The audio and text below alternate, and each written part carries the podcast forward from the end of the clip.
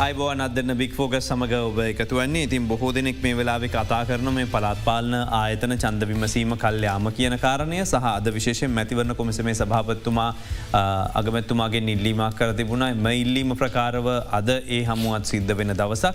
ඉතින් ඒවගේම තමයි මේ වෙලාවෙ කොමසාරිස් පාලනයට එමනැත්තම් මේ කියන පළත්පාලන අතන පාලනය දේශපාලක්ඥන්ගේ අතින් ගිලිහීමත් එක් බෙදරඩා හොඳට කෙරෙනවද නැද ඉතින් මේ ගැන කතා කරන්න පුළන් අපිට. අද දවසේ අප ආරාධනාව පිළිගෙන මේ ස්ථානයට පැමිණ ඉන්නවා පැරල සංවිධානය විදායක අධ්‍යක්ෂ රෝහණ ඉට්‍ය රචි මහත්මය හයිබුවන් බෝ පිළිගන්න. ඒබගේම සම්බන්ධ වෙනවා ප්‍රජාතන්ත්‍රීය ප්‍රතිසංස් කරන සහ මැතිවරණ අධ්‍යන ආයතනයේ විදායක අධ්‍යක්ෂ මංජුල ගජනායක මහත්මය හයිබුවන් අයිබමත් පිළිගන්නවා. මට දැන් ඔබතුමාලගේ පලත් පාල්ලා ඇතට බතුමල්ල ජීවත්තන ප්‍රදේශය අනුව. ඔබේ අදහස මොකක්ද වෙනද වගේම කෙරෙන් ඕන වැඩටි කෙරෙනවාද. ඔ වෙනදත් අපිට ඇත්තට පළත්පාල ආයතනවලින් ඔය කුණු බැහැර කිරීමේ ක්‍රියාවලිය හැරණකොට චතුර මිසුන්ගේ ඩේටුඩේ දෛනික කාරණාවලදී ඔය ඉඩම් නිවාස අනුමත කර ගැනීම වගේ කාරණා තියෙනයට ඒව හැරෙනකොට මිසු සාමාන්‍ය කටයුතු තමගේ කරගෙන ගියා. හැබැ ඔය ඔබ හඳුන්වාදීමේදී කියපු කාරණය දේශපාලච්චයකින් තොරව මෙ හොඳට කරගෙන යනවද කියන කාරණය තියෙනකොට තාමත් දේශපාලච්චයගෙන් තොර වෙලා නැහැමේවා. අපි හිතුවට දැන් නාගරි කොමසාරිස්වරු සහ ලේකමරු තමයි පාලනය කරන්න කියලා. තාමත් දේශපාලන අතපැවීම් තියෙනවා. එක පැත්තකින්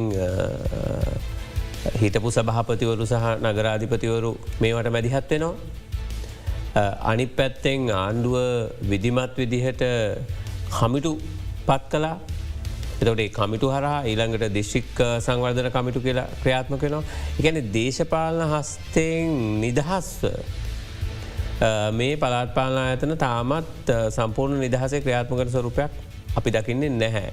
මේක සාධනය සහ නිසේතනත්ම කාරණ දෙකක් තියෙන අපේ ගැන කතාරන ඔබතුමාගේ මගේ හද ඇවතුම පෞද්ලික පුරවසයක බතුම දන්නක ඔබට මංජුල ගජනයක මහත්තය ඔබට පුරවසයෙක් විදිට ඔබේ පලත්පාලන ආයතන ඔබ ඉන්න ප්‍රදේශේ වෙනසක් පේන්න තියෙනවා දොහම දැ මාරුණා කියලා. ඔහු සමහරවිට මේ වෙනසක් වෙනසකට අදාල කරුණු මතු කිරීමේදීම සමහරවිට කියන්න පුළුවන් සමහලාට පලත්වන්න චන්ද විමසී මනවශය කියලා ඒකට හේතුව තමයි කිසිම වෙනසක් නෑ. ඇතරම එක්ම කාර්යයි සිද්ධ වනේ ම ජීවත්වන ප්‍රදේශයට අදාලව ප්‍රෝණ මහත්ම මතක් කරා වගේම කසල බැහැරකිරීම පමණමයි. කසල බැහැරකිරීමේ ක්‍රියාවලිය සඳහත් ඒ අවසානයේද යම් මුදලක් මාසික අපි ලබා දෙන්නත් ඕන උන්ට සන්තෝසම් ලෙස. එතකොට ඒ හැර වෙනත් කිසිදු කාර්යයක් ඇත්තටම අලුතෙන්. එකතු වෙලත් නැහැ අඩු වෙලත් නෑ ඒ කාර්යම තමයි සිද්ධවෙන ම කියන්නේ නියබයි සමහර ප්‍රදේශවල මේ කසල ඉවත් කිරීමේ වගේ කටයුතු වලට නිසි මැදිහත්වීමක් වුණේ නෑ කියලා. චෝදනවත් තියනවා. එම වෙන්න පුළුවන් එක වෙන්න පුළුවන් මොකද තැන් මංහිතන්නේ මංජුලත් මාත් දෙන්නම ඉන්නේ නගරයෙන් ටිකක් නගර තමයි නමුත් ප්‍රධාන නගරම නෙමේ. දැන් ඇත්තටම මේ ප්‍රධාන නගරවල ගැන දෛනිකව එකතුවෙන කසල ප්‍රමාණය වැඩි තැන්වල. ඒවගේම නාගරික නිවාස ක්‍රියාත්මක වන ප්‍රදේශවල එක පැයක් මේ කසල සම්බන්ධයෙන් අවශ්‍ය මැදිහත්වී මුණේ නැත්තං ඒක ප්‍රදේශ පුරවසයට බලපෑමක් කෙල්ල කරනවා. එක තනි එකම වුනත් ඇති ඒ බලපදේශේ ජීවත්වීම අප්‍රසන්න තත්වකට පත් කරන. එනිසාර නාගරික ප්‍රදේශවල විශේෂයෙන්ම මේ කසල බැහැර කිරීමේ ක්‍රියාවලිය හරියට සිදුවනේ නැත්තක් මොක දැන් මහජන් නියෝතය ඉන්නකොට චතුර ඒ අයට ඕන වෙලාවක පැමිලි කරන්න පුළුවන්කම තියෙනවා. ඒ පුරවැසිත් එක්ක යම් බැඳීමක් සම්බන්ධයක් තියෙනවා. එතකොට දැන් ඒ ක්‍රියාවලින් අවහිර වෙනවා නැත්ත නවතිනවා නිලධාරීන්ට එවැනි බැඳීමක් නෑ ද මෙහමගත් දැන් තුර අපි ගත්තම නාගරික කොමසාරිස්වරුන්ට සහ විශේෂම පලාත් පාලනය වගේ ලේකම්වරුන් අතට පත්වෙලා තින වෙලාව ගෙතොට මේම පුද්ගලානු බද්දයි වෙන්නදට වඩා හරියට කරනවන මේ කෙටිකාලය තුළ ගන්න බැරි දිශ්‍යන්ස් ගොඩක් ගන්න පුළුවන්. මොකද දේශපාල අතපේ මොක්ලින් හට ගිහිල්ලා තීන්දු ක්‍රියාත්මකන්න පුළුවන්. තුර එහෙම පුද්දලානු එක මේක පුද්ගලයෝ වශයෙන් එකොලන කරන්න හැකියාවත් තියන නමුත් ඒකට බාධ පමණ විදිහත් තියන දෙකන නිලධරි බයයිද මේ කරන්න. දැන් මෙහෙමයි ඇත්තරම දැන් පහුගේ අපිට දෙදස් පහළවේ දාසේ තියෙන අත්දැකීම ගත්තොත් සමහර පලාත්පාලා ඇතන. කමිටු සකස් කරගෙන නාගරික ලේකම්මරයා හෝ කොමසාරිස්වරයා හෝ නැත්තං ලේකම්මරය පාදිස භාවකන ලේකම්මරයා ඒ ප්‍රධාන මාණ්ඩලික නිලධාරින්ගෙන් කමිටු සකස් කරගෙන විදිමත්ව යම් කිසි සැලසුමකට අනුව මේ තීන්දු අරගෙන ක්‍රියාත්මක වෙච්ච ආයතන තියෙනවා. හැබැයි ඒක ඒ නිලධහරයාගේ දක්ෂතාවේ මත. ඔහුගේ කැපවීම මත ඔහුට යම් මිෂණ එකක් තැක්මක් තියෙන කෙනෙක් නම් ඔහු එක සැලසුම් සාගතව කරනවා. හැබැ අනි පැත්තට මඟර මුලින් කිව්ව කාරණය කැනෙ දැන්. නිලවසයෙන් මේ සභාපතිවරු නගරාධිපතිවරු ඉවත් වනාට මේ ලේකම්මරු දන්න මේ සභාපතිවරු ලේ නගරාධිපතුරු ඊළඟ චන්දිත ඕනෑ මොහොත හප වෙන්න පුළුවන් තොට උන්ගේ බලවිහයට මේ අය නතු වෙනවා. විශේෂෙන්ම ලේකමරු හැටියට ඉන්නයි. නාගරි කොමසාරිස්වරු පරිපාල සේවෙන් ආපුයට ඒක වෙනස් විදිහක තත්වයක් තියෙන මොකද ඔහුට එතන නැත්තම් වෙනතනකට යන්න පුළුවන්. එතකොට ඒ නිසා ඒ අය මේ කාලය තුළත් මේ සභාපතිවරු සහ නගරාධිපතිවරු කරන බලපෑමෙන් සම්පූර්ණම ගැලවෙන්න හොඳ පෞෂයක් තියෙන් ඕන. තකට ඒක ඒක හැම තැන හැම පලත්පාල ඇතනක මේ විදිහටම සිද්ධ වෙන්න නෑ. හැබැයි ඔබ කිව්ව වගේ මේ වෙලාවෙ පුළුවන් මේ නිලධහරීන්ට වෙනස පෙන්න්න අවශ්‍යනම්. දැන් දෙදස් දාසේ ඔබතුමා සඳහන් කළ අපේ අද දස් දාසුනේ දාසය වෙනකොට එවක මහමතිවරයා විදිහට කටයුතු කරින් සුරදේව ප්‍රී මහත්මයා. තුර එදවස පලාත් සභා තිබ්බත පලත් ඇමතිවරය හිටියා. තුර මහමතිවරය පැහැදිලිව කිව්වා කොළම නගර සභාව වගේ ප්‍රදේශවල නාගරික ප්‍රදේශවල බදු නොගෙවා හිටපු පිරිස් විශාල වශයෙන් හිටිය. නමුත් මේ කොමසාරිස් පාලනයට ආවයන් පස්සේ ඒවා ක්‍රමාණුකූල වඩු වෙමින් යනවා බදු සීරු දෙනාගෙන් අයකන තත්වට පත්ලාති නොකළ. දැහෙම වෙනවන එකන දේශපාල බල පෑම හරි මොකහරි ඒව අංගලද මේක සාධනය ලක්ෂණයක්නක පැත්තගේ. සාධනය ලක්ෂණ යම් ප්‍රමාණයක් තිබෙනව නමුත් ඊට වඩා මංහිතන නිශේධනය ලක්ෂණ රාශයක් තිබෙනවා. මේක චතුර ඔබහපු එකේ අර මුලින්ම කිව් එකේ බාධා කිරීම්වලට අදාළව කුමන බාධා කිරීම්ද වගේ තියනව බැලුවොත් දැන් අපේ සමස්ත දේශපාලන සංවිධානය වෙලා තියෙන දේශපාලන අධිකාරිය සහ පරිපාලනය දැන් අපි හිතමු පෞරුෂත්වයකින් යුක්තව නාගරික කොමසාරිස්වරේ හෝ ඒකම්රේ කටයුතු කරන්න ගන්නවා. එහි තියෙන බාධාකාරී තත්වය තමයි ප්‍රදේශය ඉන්නවා පාලක පක්ෂයේ ආසන සංවිධායකවරයා. ඊට අමතරව මෙතුමා සඳහන් කරලද ප්‍රාදේශය සංවර්ධන කමිටුවේ සහ දිස්ත්‍රික් සංවර්ධන කමිටුවේ සභාපතිවරුන් දෙන්නෙක් ඉන්නවා. එතකොට ඔවුන්ට හිතෙනව නම්. මොහු අනවශ්‍යාකාරයට ඕනොටත් වඩා ස්වාධනව වැඩ කරන්න යනව කියලා බලපෑම් කිරීමට හැකියාවක් තිබෙනවා මොකද එතන යම්මාකාරයකට තීරණ ගන්න අවස්ථාවක් බවට පත්වෙනව එක එක පැත්තා. අනික් පැත්තෙන් මෙහි තියෙන ස්තුබවාදීම කාරණය තමයි උදාහරණයක් ගත්තු අපට නම් කියලම කියන්න පුළුව දස් දහසය වකවානුවේ අපි දුටුව මාත්‍ර නගර නාගරික කොමසාරිස්වරයා වශයෙන් හිටිය සේනක පල්ලේ ගුරුගේ මහත්මය ඔහු ඇත්තටම පසු නාගරික කොමසාරය පලත් කොමසාරිස්වරයා වුණ පලත් පාලන දැන් ඉඩම් කොමසාරිස්වරය. ඔහුගේ ඔහු යන අවස්ථාවේද මේ දූරෙන් පලත්පාන අතන දෙදස් දහට පිහිටුවන අවස්ථාවේද ඔහු ශේෂ පත්‍රයක් දැම්ම. ඒ ශේෂ පත්‍රයේ තිබුණා ඔහු කවරතරම් ප්‍රමාණයක් බදු මුදල් අලුතෙන් එකතු කරාද කියල කෝටි හයක්. මාත්‍ර මහනගර සභාවට. ඔහු එවල් එවකට එහෙම එකතු කරලා තිබ. ඒ අර ඉස්රදේව ප්‍රිය මහත්මා කිව කාරණ එක පැත්තක. එකට හේතුව තමයි ඒව බ්ලොක් කරනවා. බොහදුරට දේශපාලන අධිකාරය විසින් සහ යම් යම් හිතමිත්‍රකම් මත තක්සේරුව අඩු කිරීම සඳහා දේශපාලන අධිකාරී බලපෑම් කරනව. එවි එවැනි අවස්ථාවක දයාර කිව පවරුෂත්වය තිබේ නම්. නිලධාරීන්ට හැකියාවක් තිබනවා. මේ සනාත කරන නමුත් චතුර ඇත්තටම තියෙන ප්‍රශ්නය තමයි මේ හැදිල තියෙන්නේම ජනතා නියෝජිත යන්ගෙන් සැදුම්ලත් ආයතන ලෙස. එනිසාම මෙතරම්ම කැමිති හැසුවාදී කරුණු මතු කරන්න. හැබැයි මේ සිස්ටම් චේන්ච් එකක් ඉල්ල අවස්ථාව අප ගොඩක් ෆෙල් වෙලායින් අවස්ථාවක හිදොප කියන කරුණු ඉතාම වැදගත්. නිලධාරීන්ට පුළුවන් මේ වෙනස පෙන්නලා ඉදිරි පලත්පාලන මැතිවරයකද මෙන්න මේ වෙනස පෙන්නු ආලේ මාර්ග යන්න කියලා හැකින මාර්ගය පාදන්න. චතුරම එකට එකක් එකතු කරන්න කැමති දැන්වය නිලධහරී පාලනය කෙටිකාලීනව සාර්ථක වෙන්න පුළුවන් එකැනෙ දක්ෂ නිලධාරින් ඉන්න තැන ඒක හොඳට කළවනා කරණය කරලා ඉදිරියට යන්න පුළුව කලානු බද්ධයි මේසික්ක මේක එකක් පුද්ගලානු බද්ධයි ම මේකැන් ප්‍රජාන්ත්‍රවාදී පැත්තෙන් නෙමේ ප්‍රජාන්ත්‍රවාදී පැත්තෙන් අපිට කොහෙත්ම එක ඉඩ දෙන්න බෑ. නමුත් භාවිත පැත්තෙන් භාවිතාර්ථයෙන් ගත්තොත්. කෙටිකාලයක් එහෙම වනාට දීර්ඝ කාලයක් මහජනයෝතැන්ගෙන් තොරව තියෙන වූහයක් අකණ්ඩ පැවත්ම බරපතල ප්‍රශ්නාර්ථයක් ගේනවා. මොකද මේ නිලධාරීන් කිස්සේත්ම ජනතාවට රිජුව වග කියන්න බැඳිල නෑ මොකද ඔවුන් උන්ග වගකීම බැඳලයින් තමන්ගේ හිල් නිල්ධාරයට. තකර දේශපාලචය හෙමන මේ දේශපාලචය ජනතාවට කොයි මොහොත හැරි වක් කියන්න. එනිසා ඔහු යම් විදිහක ජනතාවගේ අභිමතාර්ථ පිළිබඳව යම් අනුගතකමක් සිද්ධ සිද්ධ වෙන්න වෙන අපිට මේ ප්‍රශ්තියන එහ මනුගත නොවෙන එක තමයි. හැයි යම් ප්‍රමාණයකට හරි ඒක තියෙන නිසා කෙටිකාලයක් සාර්ථක වෙන ක්‍රමවේදයක් දීර්ඝ කාලයක් මහජන නියෝතයන්ගෙන් තොර පවත්තගෙන යන්න පුළුවන් වෙන්නේ නෑ තැතුර අහන්න පුළුවන් පලස්සභාවය තියෙන්නේ වගේ ඉන්න ඔය ඔය ඔය යන්න වගේ එකක්. හැබැයි මෙතනදිත් මතකතියාගන්න ඕන එක තමයි පලාත් සභහයි පලාත් පාලනය කියන්නේ ස්තර දෙකක්. පලාත් සභහත් එක බලන්නකොට පලාත් පාලන ආයතන මිනිස්සුන්ට හුඟක් තමන්ගේ එදිනිදා ජීවිතය කටයුතුවලට බලපෑමක් තියනවා කුණු එකතු කිරීමෙන් බැහැර ක්‍රියාවලින් පිළිබඳව අපි බැලුවත් පලාත් පාලන ආයතන අපිට අවශ්‍යයි. පලා සභහ පිළිබඳව වෙනම සංවාධයක් ගෙනියන්න ඕනේ. එකන්නේ මහජ නියෝතයෝ නැතුව යනවනගේ සිිස්ටම් එකම ඕනෙද නැද්ද වගේ වෙනත් කතාම එක එන්න පුළුවන්. නමුත් මගේ මූලික තර්කය තමයි කුමන ආයතනයක්වත් මහජනයා නියෝජතයකින් තොරව දීර්ඝ කාලයක් පවත්තගෙන පුළුවන් කමක් නෑමද අපට මතකයි පාලිමෙන්තුවත් මෙහම තිබුණ පාර්ලිමෙන්තුවත් නැතුව අපිට හම් කාලයක් තිබුණ හැබැයිතකොට අපි අපි ඒ තර්කයම අපිගේ නෑ එනම් පාලිමෙන්තුවත් නැතුව අපිට යන්න පුලන්දක. එනිසා මේක තාර්කික භාවය සහ ප්‍රායුක භාවය අපි හරියට කල්මනා කරණය කරගන්න ඕ. ද අපි අපහපාර කැරගලා ඉන්න තෙනක් තමයි දැන් අද උදෑසන ද මෝනිින් පුවත් පතර වාර්තා කරල තිබුණා මැතිවන්න කොමිසම හිටපු සභහපති සහ ඒවගේ වත්මන් සීම නිර්ණය කොමිෂන් සභාවේ සභහපතිවරයා විදිට මහින්ද දේශප්‍රිය මහත්ම කියනවා මේ මාසේ දහතුන් එන්න මේ අවුරුදු කටේ සීම නිර්ණය වාර්තාව ලබා දෙනෝ බාර දෙනවා කියලා. තොට දැම් මේ බාරදීම සිදු කළෝත්තින්. එතකොට මේ ලබාගත් නාමයෝජනා අනුවම චන්දය පැත්විය හැකිද. බලන් ප්‍රශ්න. ඕ. මේ සීමා නිර්ණය කමිටුව වාර්තාව බාරදීපු පමණින් මේ නාමෝජනා හෝසි වෙන්නේ නෑ.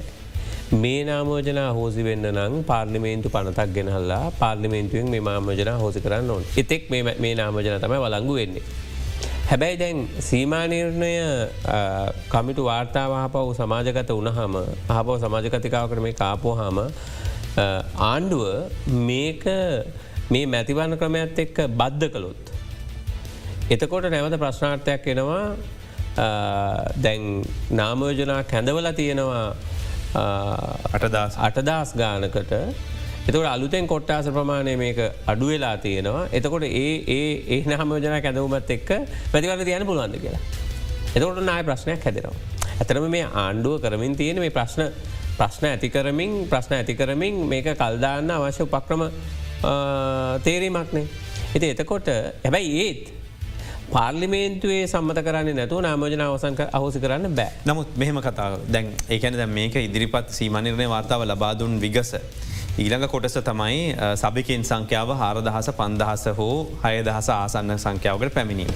ද මේක දුටු විගස දේශපාලක්ඥා සහ දේශපාල ක්‍රමය පිළිබඳව ලංකාව තින ජනමනසේ ඇදිල තින චිත්‍රයත් එක්ක ඇතිවන දේ තමයි අපට දහක් මොන අපරාධද මේ කරන්න සල්ලිකන වැඩ මිනිස්සුන්ගේ මේ සභාවලට කොද මෙචර මිනිසුට වන සල්ලි කියල තුර ආපහු ජනමනස තුළින්ම ඉල්ලීමක් කෙනවනේ අප අඩු කරන එක හොඳයි කියලා. එහෙම උනොත්. මේක ඊළඟ කොටස චතුර තමයි මේක සමාලෝචන කමිටු මේක පසු පස්සේ එනවාර ප්‍රිය සක වගේ. අනිවා බැදිල එක බැඳිල තියෙන මොකද ඒක අනිවාර්යම එනවා කියලා කියන්නේ අපිට මතකයි මේක පළවෙනි වතාවේ හාරදහ අටදහට වැඩි වෙන කොටත් පත්කරපු සමාලෝචන කමිටුව අවුදු දෙක හමාරක් ගියා වාර්තාව අවසන් කරගන්න එකඟතාවකට ඇතම අපිට අධිකරණයටත් යන්න සිද්ධ වනා එක සම්බන්ධය. තුර දැන් කරන්නේ අටද හාර්දහට අඩු කරනවා. එතකට පහල ස්තරයේ තම තමන්ගේ පක්ෂවල හිටපු මන්ත්‍රීදුර ඒ පක්ෂවල නැතුව යනවා. ඒ කොට්ටාස නැතුව යනවා. තුර දේශපාල පක්ෂ කොහෙත්ම මේකට සතුරු වෙන්නේ නෑ. ඊළඟට මේක එන්න පුළුවන් ප්‍රාදේශය කාරණ කුලකාරණ ඊළඟට ජාතිය පිළිබඳ කාරණ මේ අර කණ්ඩායමට අඩුනා මේ කණ්ඩායමට වැඩි වුණා මේ වගේ ඒවා අපි දිරිමත් කළ යුතු කියල ම කියන්නේ නැහැ. හැබැයි පොලොවේ ඇත්තට එන්න පුළුවන් ප්‍රශ්න එක එකගතාවයකට පැමිණීමට නොහැකිවන කාරණ ගොඩක් එන්න පුළුව අනිවාරෙන් එතකොට මේක වෙන්නේ එතකොට ආණ්ඩුව අවශ්‍යතාව හැබැයිස්ට වෙනවා. ආණ්ඩුව අවශ්‍යතාවය වෙන්නේ කුමක් හෝ සාධහරණය කරණය කරන්න පුළුවන් මහජනය ඉදිරි දැන් උබත් කිව්ව වගේ මේ අටදාහක් වැඩි අපි මේ අඩු කරම අපරාධ සල්ලි නාස්තියක් කියලා.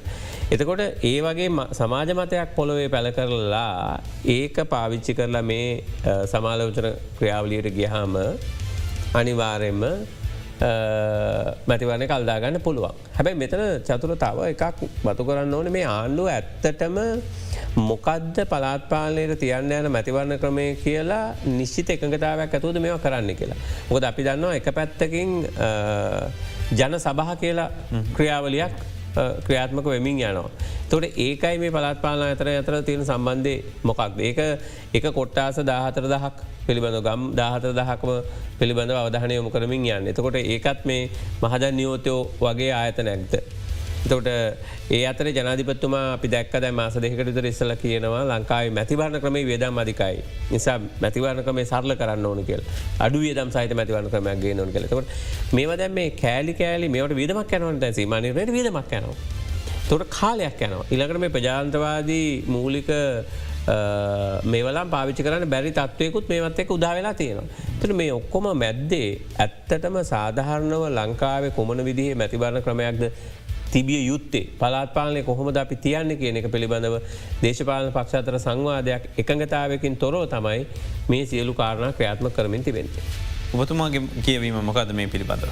ඕ මගේ කියවීම ඇතරම දැන් අපි ආපසට හැරල බැලුවොත් මේ සමස්තය දිහා. මේක පලත් සහ එක්කම දැම මැතිවරණ කල්දැමීමත් එක් බැලුවොත් ඇත්තටම මුලින්ම විසරවේ පලත් පාලන පලත් සභාතුනක් නැගනිහිර පලත් සභාව අදට අවුරුදු හතරයි මාස හයයි දවස් හතක් වෙනවා පළත් සභා නෑ. අවසානයට වූ ඌව පළත් සභාව අවුරුදු තුනයි මාස හයයි දවස් දෙකක් වෙනවා. එතකොට පළත් පාලන ආයතන දැනට විසුරුවලා අවුරුද්දයි එක විසුරුවල කිය නැරම අමාත්‍ය කිරීමට පෙර ඒකත් එක් අවුරුද්දයි මාසයයි දවස් විසි දෙකක් වෙනවා. එතකට මෙහම බැලුවට පස පාකිස්ාන පැත්තට හැරුණොත් දැ මේක ප්‍රතිපක්ෂය පාකිස්ානය අර ජනප්‍රිය පංජාප්‍රාන්තය ඇතුළ ප්‍රාන්ත දෙකක් සඳහා වහම මැතිවරණය තියන්න කියලා ශ්‍රේෂ්ඨාධිකරණය නියම කලා. ආපහු ශ්‍රේෂ්ඨාධිකරණීමට පාර්ලිමේන්තුව එක හෙලා විරුද්ධ වෙලාකිව නෑ අපි තියන්නේ නෑ සම්පූර්ණ ෆුල් බෙන්චහකින් සුප්‍ර මේ ශ්‍රේෂ්ඨාධිකරණය තියරණය අහන්න කියලා. දැන් අපි ආපසට හැරල බැලුව චතුර දැන් මේ සමස්තය තුළ තියෙන පේන තියෙන දෙයක් තමයි මම හිතන්නේ මේ වසර තුළ හෝ ඉදිරි කාලය තුළ පළත් පාලන චන්ද විමසීමක් තැබීම සඳහ උනන්දුවක් නෑම කුදර කිව්ව රෝහණ මත්මාකිව මැතිවරණ ක්‍රමය පිළිබඳවත් නිශ්චිත භාවයක් නැතිහිද. උනන්දුවක් නැක්න ද ප්‍රකාශක ලිවර ජනාධිපතිවර කොහොමත් මේ අවුරුද්ධට නැහැ කියනක සහ අනිත්‍යක තමයි දැම මේ අගල් කපන වගල් අගල් කපන වගල් වහන වගේ ප්‍රශ්න නිර්මාණය කරමින් ප්‍රශ්න වහන එකක් නැතියෙන දැන් යන සංවාදය තමයි දැනට ඔබ දන්නවා පළත් සභහ මාත්‍යංශයට අනුබද්ධව කමිටුවක් පිහිටුවල තිබෙනවා. මෙහි අර නරින්ට කුකුල්ලු බාර්දුන්න වගේ මෙත් අර දහස් දහසේ දස් දාහතේ මැතිවරණය කල්දා දාපු පලත් සහ වජර බේවර්ධන මහත්මාට තමයි මේක බාර්දල තියනෙතකට එතුමා තමයි මේ කමිටුව සභහපති මේ කරන්න හදන්නේ දැන් ඇතුළේ කයම් කතාබහක් නිර්මාණය වෙලා තිබෙනවා. චතුර මේ පලත්පාන අයතන ප්‍රධානීන්ට මේ දූරය නැතුව ඉන්න බෑ. මොකද උන් හඩා වැටනව හදවතින් මේ ඉදුල් ටික පවා විකුණමින් ලබාගත්ත වරප්‍රසාද මේ වගේ තියෙනවනේ ඇතටම ඉතින් එම නිසා දැන් හදන්නේ ඔවුන් කමිටුවක් නිර්මාණය කරන ආණ්ඩුකාරවරයා ප්‍රමුඛ හැම පලත් පාන අයතනයකටම. ඒ කමිටුවට ඇතුළට දානවා අර හිටපු පලත් පාලන අයතන ප්‍රධානී. දැන් එතකොට එහෙම දාලා ආණ්ඩුවෙන්ට පුළුවන්කමක් තියන ජනතාවට පෙන්න්න දැන් වැඩේ යනම් කෙ එකහෙම කරයි. එතර කල් බැරීම ජාතික මටම මැතිවරණයක් වෙන අවසන ගත්තමර හිටපු පලත් පලනාතන ප්‍රධානීන් විසින්ම තමයි තවදුරටත් මේ පාලනය කනු ලබ රියටම අනිවාරය මේක තමයි වෙන අනිතක හැබයි ඕවරෝල් අපට සමස්තයක් විදිර බැලුව තනික් පැත්තෙන් මේකට විචක්ෂණශීලී දූරදැක් යම් දැක්මක් ලබාදීම සඳහා පලත් සභාසහ පලත්මන පාලනා මාත්‍යංශයත් විදිමත් සූදානමක් නෑ. චතුර පහුගේ අවුරුදු තුන තුළ මේ පලත් සබා සහ පලත්පාන අමාත්‍යංශය තුළ රාජ්‍ය සහ කැබිනට අමාත්වරුන් හයිදනෙක් පත් වෙලා තිබෙනවා.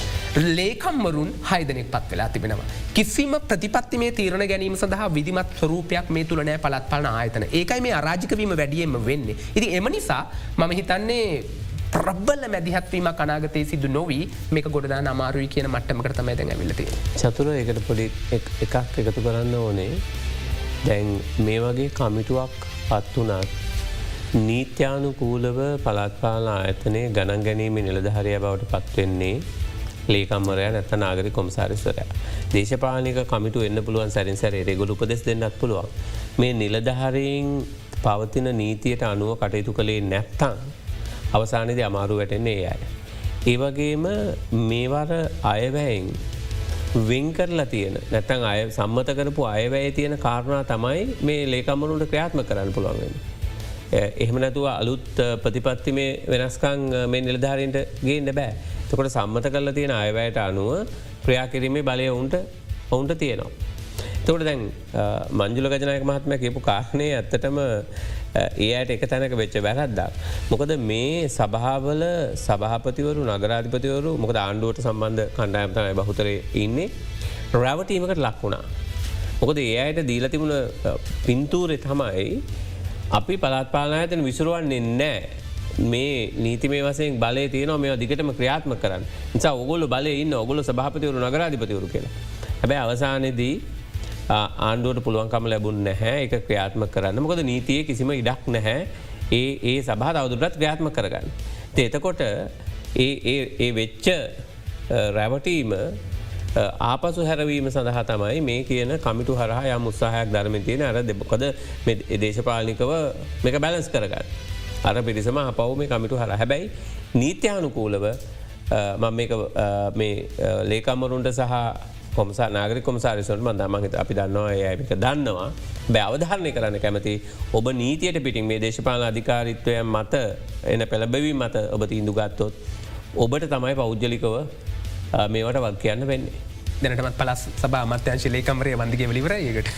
ප්‍රශ්න තියන්නේ දැ මේක එකින් එක පැඳුනට දැන් අවසානය ජනයාත්තක කටයුතු කිරීමේදී ගොඩක් ඔවුන්ගේ සුපසිද්ධිය උදෙස වැඩ කටයුතු කන පුළන්තිගෙන දැ පලාත් පාලන ආයතනයක කාර්යභාරය කියන කොටසදි ගත්තම මේ පුංචි දරුවන් වෙනුවෙන් පවත්තන පෙරපාසල් නිසියාකාරව පවත්වාගෙන යන කටයුතු දක්වාම මේක බැඳෙනවා.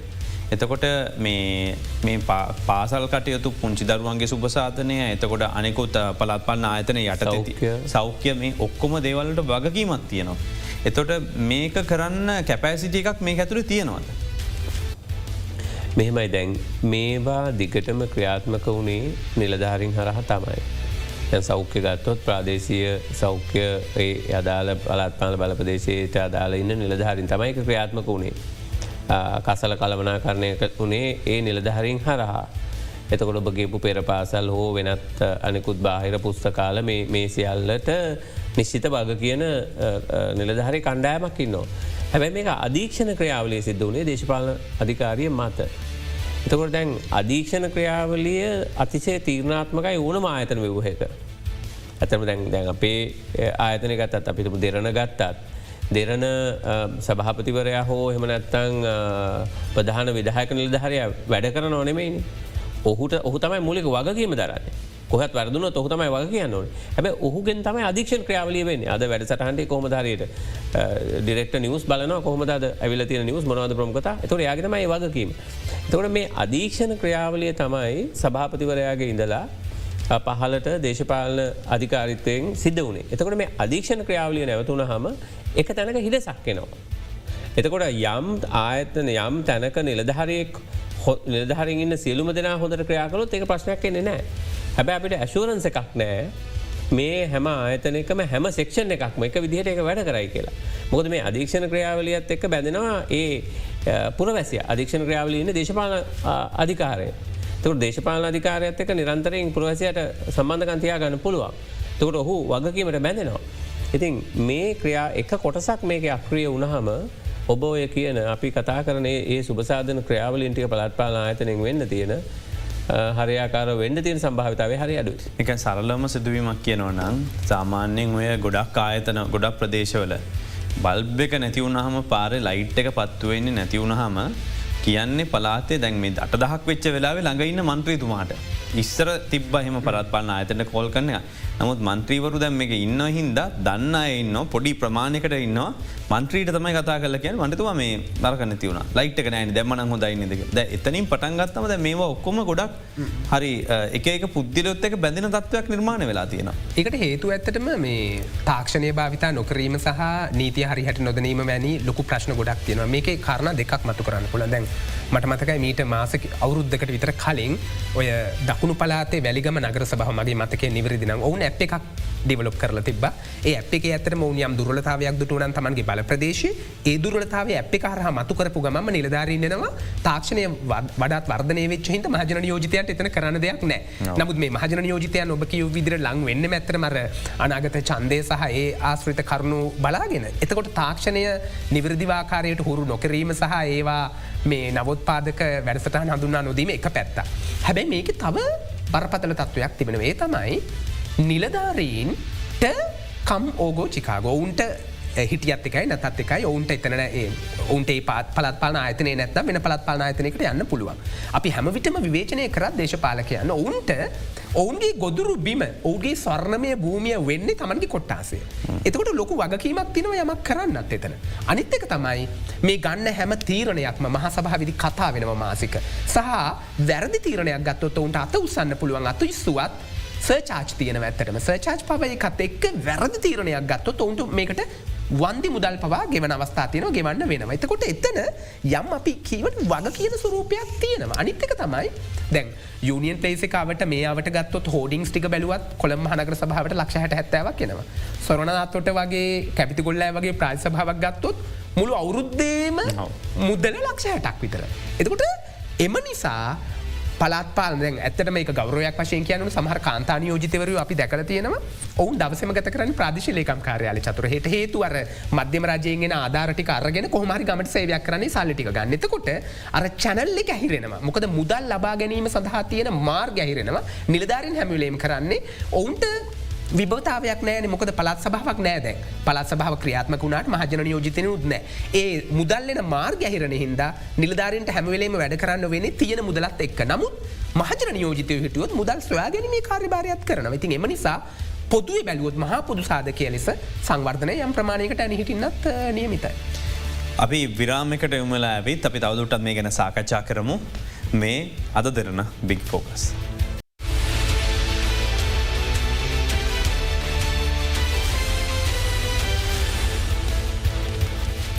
ඔබද දෙන්න බික් ෆෝකස් සමඟ එකතු වෙන්නේ. අපි මේ සාකච්ඡාව දැම මේ වෙලාවේ කරමින් ඉන්න කාරණය ඔබ දන්න විශේෂම ගත්තවතින් පළත් පාලන ආයතන මේ නිලධාරී පාලනය සහ විශේෂෙන් මැතිවරණය කල්්‍යයාම කියන කාරණය පිළිබඳව කතා කරන්නේ.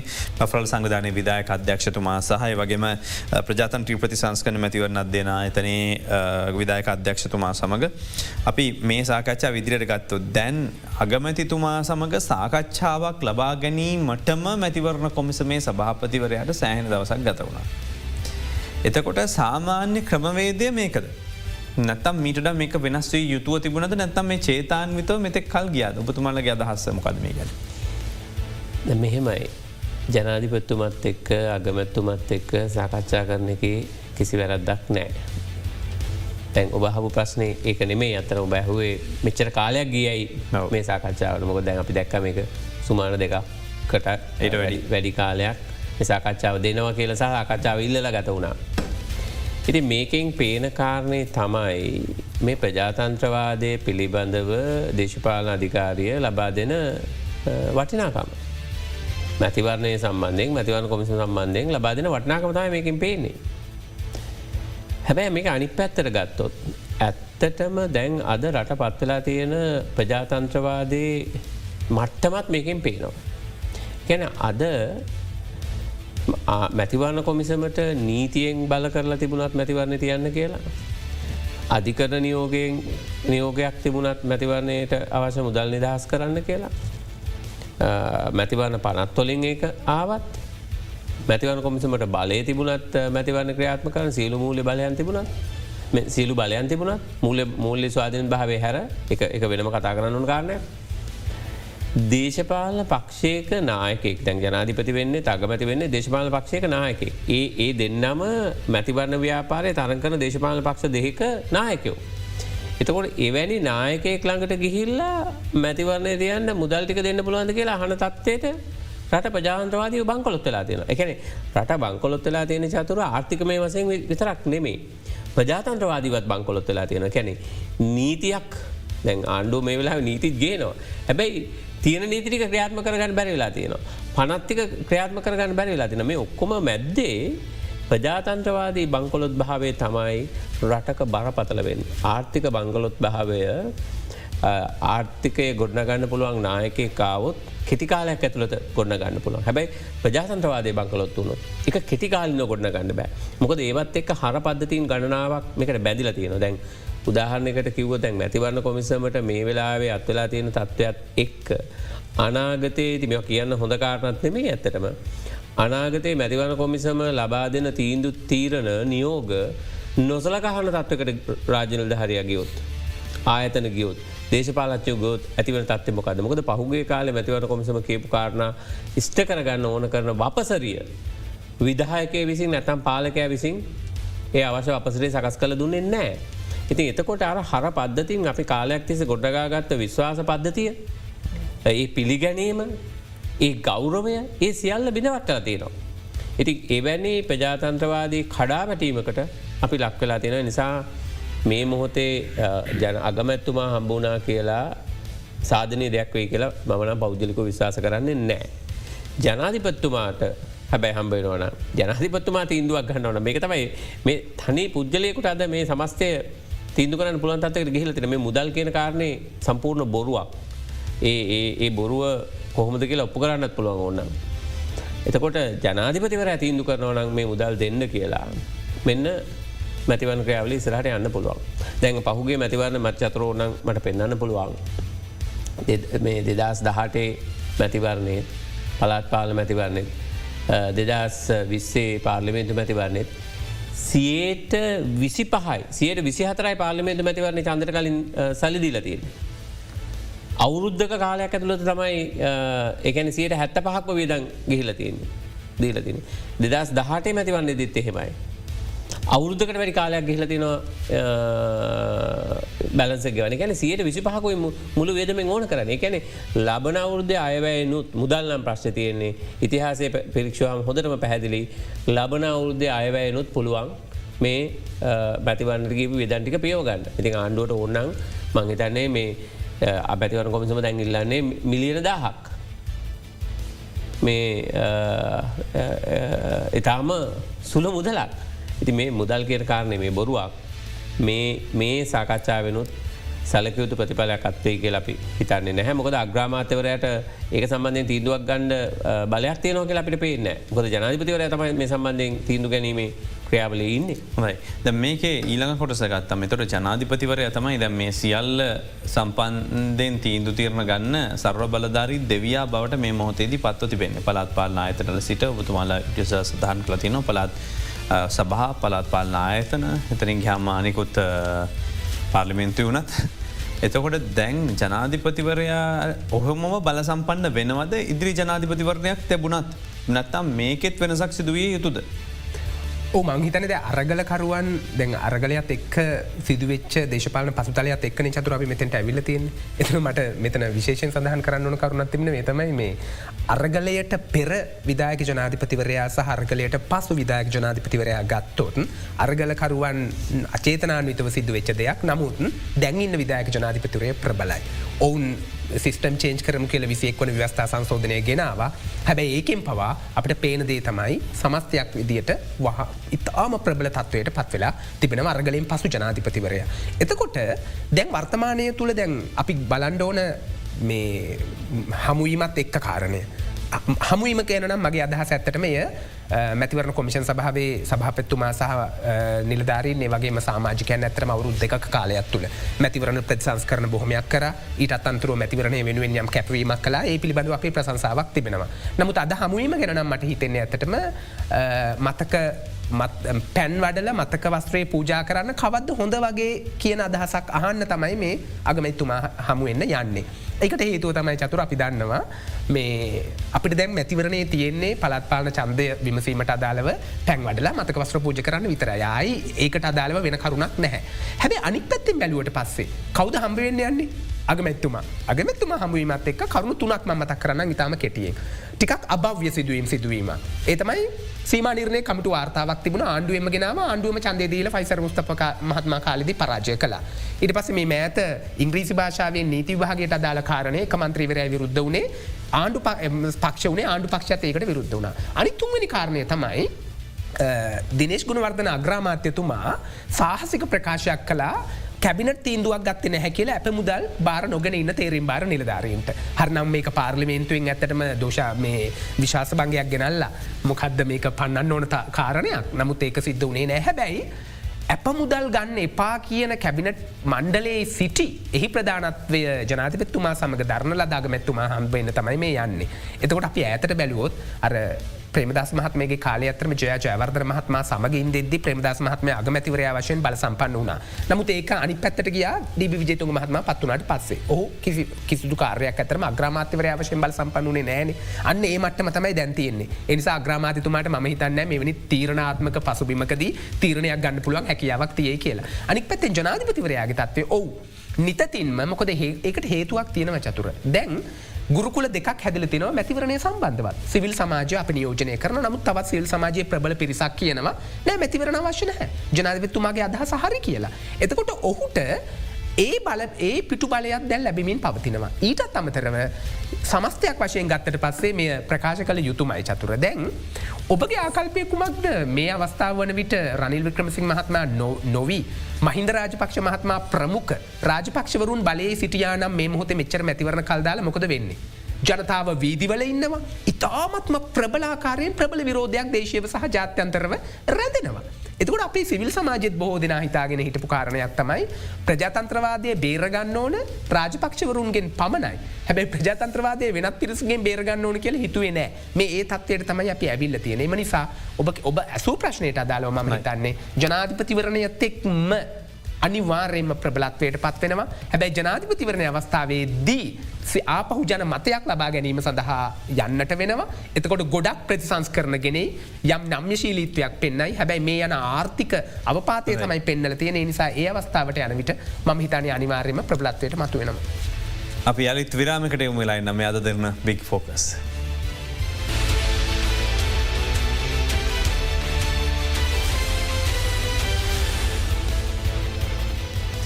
මේ කෙටි වෙලාවත් ඉරින්ද කෙරියම් ප්‍රශ්නහන්නය නෑමන් ඔබතුමල්ල දෙන්න අවසාන වශයෙන් ප්‍රජාතන්ත්‍රවාදය සහ මේ මොහොතේ රටේ තියන තත්ත්වය සම්බන්ධය.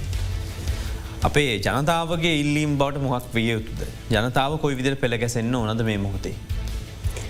ඕ දැන් අපිට පේන හැටියට මේ රටේ මීට මාස කීපයකට කලින් තිබිච්ච අර්බූදය දැන් අපෙන් ගිලිහිලා තියෙනවා තාවකාලික එක ඇන අපිට දැන් තෙල්ටික තියෙනවා තැන් කෝට එකත් පොඩ්ඩක් වැඩි වුණා ගෑස් ටික තියෙනවා දැ කෝවිඩ අර්බුදයක් ඇත්තටම නෑ තොට පොඩ්ඩක් අහපව් මිනිසුන්ගේ ජනජීවිතය සාමාන්‍ය තත්වයට පත්වලාද කියන හැඟීමක් බෝධනාට තියෙනවා. තුළ මේකත් එක්ක ප්‍රජාතන්ත්‍රවාදයේ වටිනාකම මේ ප්‍රශ්නය මතුනේ කොහොමද කියනක පිළිබඳ මිනිස්සු අමත අමතක වෙලා තියෙනවා. ඇත්තටම දැන් අපි ඉතිහාස හැරලා බැලුවොත් මේ පාලකයෝ මාරුවෙන් මාරුවට මේ රට කළමනාකරණය කරපු විදිහේ අවුලක් තමයි තියෙන්නේ. දැන් අපි තමයි පුරවසය හැටියට අපි තමයි එක මේක කොම්පැනියකට අපි උපමා කළෝත් අපි අපි තමයි මේක ශයාහෝල්ඩස්ලා තුර ඇත්ත අයිතිකාරය අපි පුරවැසිවූ. හැබැයි දැන් කොම්පැනයේ ප්‍රධානීන් කොම්පැනී බංකොලොත් පහවට පත් කරලා හැබැයි දැන් අපිට සීෝ මාරු කරගන්න සියෝලා ඩිරෙක්ටස්ලා වෙනස් කරන්න මේ අයිතිකාරයෙන්ට ඉට අහුල්ල තියෙනවා. දැ ඒවගේ තත්ත්වයක් තමයි අපේ රටෙත් අපිට පේන්නේ. මේ ඉන්න ඩිරෙක්ටස් ලමාරු කල වෙන ඩිරෙක්ටස්ලා පත් කරගන්න කොම්පනි අධිකාර ඉඩ තියෙන්නවා දැන් ඒක අපෙන් ගිලිහිලා යමින් තියෙන්නේ. මේක මිනිස්සුන්ට තේරෙන්නේ නෑ. එක්කෝ මිනිසු ආත්මාර්ථකාවේ.